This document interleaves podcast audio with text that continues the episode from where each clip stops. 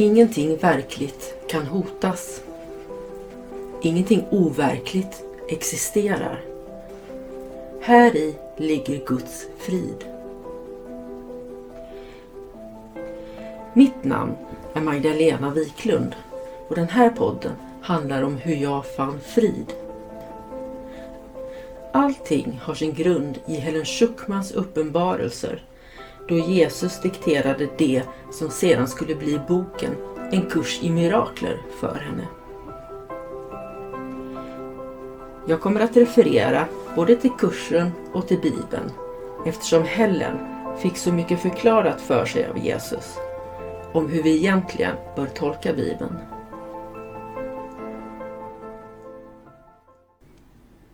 Välkommen till en kurs i mirakler. Idag läser vi lektion 46. Gud är kärleken i vilken jag förlåter. Gud förlåter inte eftersom han aldrig har fördömt. Och det måste finnas ett fördömande innan förlåtelse är nödvändigt.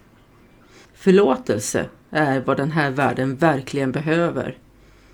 Men detta beror på att det är en värld av illusioner. De som förlåter befriar således sig själva från illusioner. Medan de som vägrar att ge förlåtelse binder sig själva vid dem. På samma sätt som du endast fördömer dig själv förlåter du endast dig själv. Men även om Gud inte förlåter är ändå hans kärlek grunden för förlåtelsen. Rädsla fördömer och kärlek förlåter. Förlåtelsen gör således det ogjort som rädslan har framkallat och återför sinnet till medvetenheten om Gud.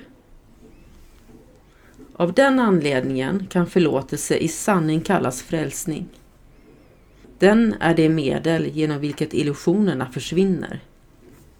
För dagens övningar behövs åtminstone tre övningsstunder på fem hela minuter vardera och så många korta som möjligt. Börja de längre övningsstunderna med att som vanligt upprepa dagens tankegång för dig själv.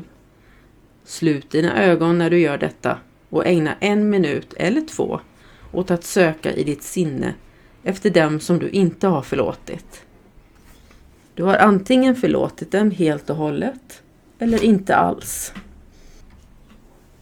Om du gör övningarna noggrant bör du inte ha någon svårighet att finna ett antal personer som du inte har förlåtit. En säker regel är att varje person som du inte tycker om är ett lämpligt objekt. Nämn var och en vid namn och säg Gud är kärleken i vilken jag förlåter dig. Syftet med den första delen av dagens övningsstunder är att göra dig i stånd till att förlåta dig själv. Efter att du har tillämpat tankegången på alla du kan komma på, säg till dig själv. Gud är kärleken i vilken jag förlåter mig själv. Ägna sedan resten av övningsstunden åt att lägga till likartade tankegångar som Gud är kärleken med vilken jag älskar mig själv. Gud är kärleken i vilken jag är välsignad.